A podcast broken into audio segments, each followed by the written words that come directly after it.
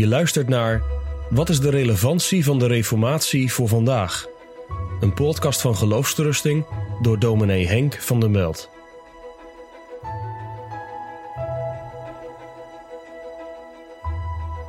De Reformatie is een herontdekking van het evangelie van Jezus Christus.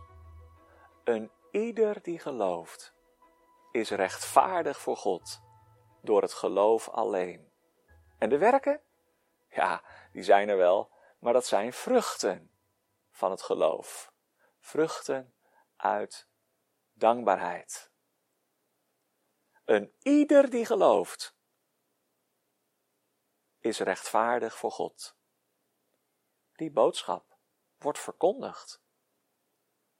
Maar hoe zit het dan met de mensen die wel of niet gaan geloven? Hoe zit het dan met die uitverkiezing? Bij het begin van de Reformatie was de uitverkiezing heel belangrijk. Niet alleen voor Calvijn, die er vaak mee geassocieerd wordt, maar ook voor Maarten Luther. Het ging hem om de vrije en alles overwinnende genade van God. En tegenover de Nederlander Erasmus, de humanist, hield hij het staande. Het is God die werkt van begin tot eind. Wij komen er niet aan te pas.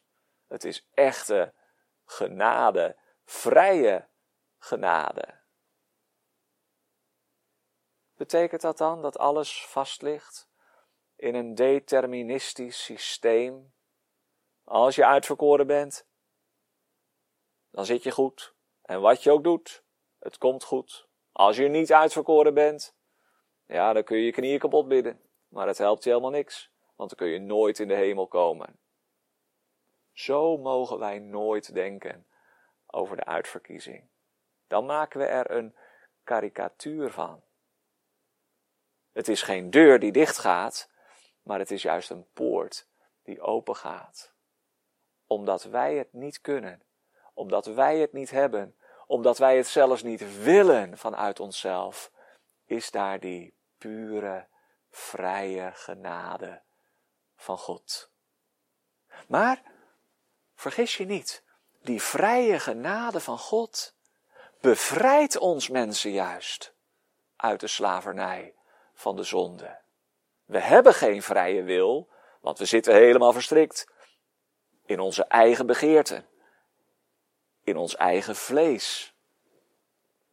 Dat was in het geding in de tijd van de Reformatie een van de tegenstanders van Calvijn, schreef een boek in het Latijn met de titel Over de genade van God en de vrije wil. Met andere woorden, ja, het is allemaal genade, maar je moet het wel zelf willen, anders krijg je het niet. Genade en wil. Daartegenover staat het sola van de Reformatie. Sola gratia, alleen genade. En Calvijn schreef een dik boek terug in het Latijn met de titel Over de genade van God en de bevrijde wil. Hij ontkende niet dat er vrijheid was, maar die vrijheid is niet ons antwoord op de genade van God, maar die vrijheid is een effect van de genade van God. Het is vrije en bevrijdende genade. Wij mogen nooit van de uitverkiezing een deterministisch systeem maken waarin alles vast ligt. Zo is het ook nooit bedoeld. Gods voorzienigheid sluit onze vrijheid niet uit. Sterker nog, God sluit onze vrijheid in.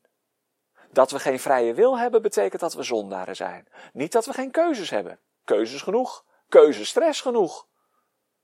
En als we kiezen, dan kiezen we in vrijheid. Zo laat God ons keuzes maken. Keuzes die binnen zijn alles overkoepelende plan vallen. Het gaat niet verkeerd, omdat God regeert. En God regeert via de keuzes die wij maken. Een deterministisch systeem Daarvoor moet je bij de atheïsten zijn, bij de materialisten zoals Dick Swaap. Wij zijn ons brein, Dat betekent dat we ook geen vrijheid hebben. Dat we eigenlijk afgericht zijn om te doen en te laten wat we doen en laten. Voor echte vrijheid moet je bij God zijn. Bij een God die regeert. Bij een God die mensen naar zijn beeld en gelijkenis schept. Bij een God die mensen de ruimte geeft om te beantwoorden aan zijn wil. Dat wij het niet meer kunnen doen, dat heeft met de zonde te maken. Maar als God door zijn geest ons vrij maakt van de zonde, dan maakt hij ons ook een nieuwe schepping. Net zoals Adam en Eva in het paradijs. Begint er dan weer iets van die vrijheid te komen. Heere, ik zal u vrijwillig liefhebben. Ik zal u dienen omdat u het waard bent. Dat is de vrijheid van de Reformatie. De vrijheid die ten diepste gegrond is in de vrije genade van God. Genade is vrij en genade maakt vrij.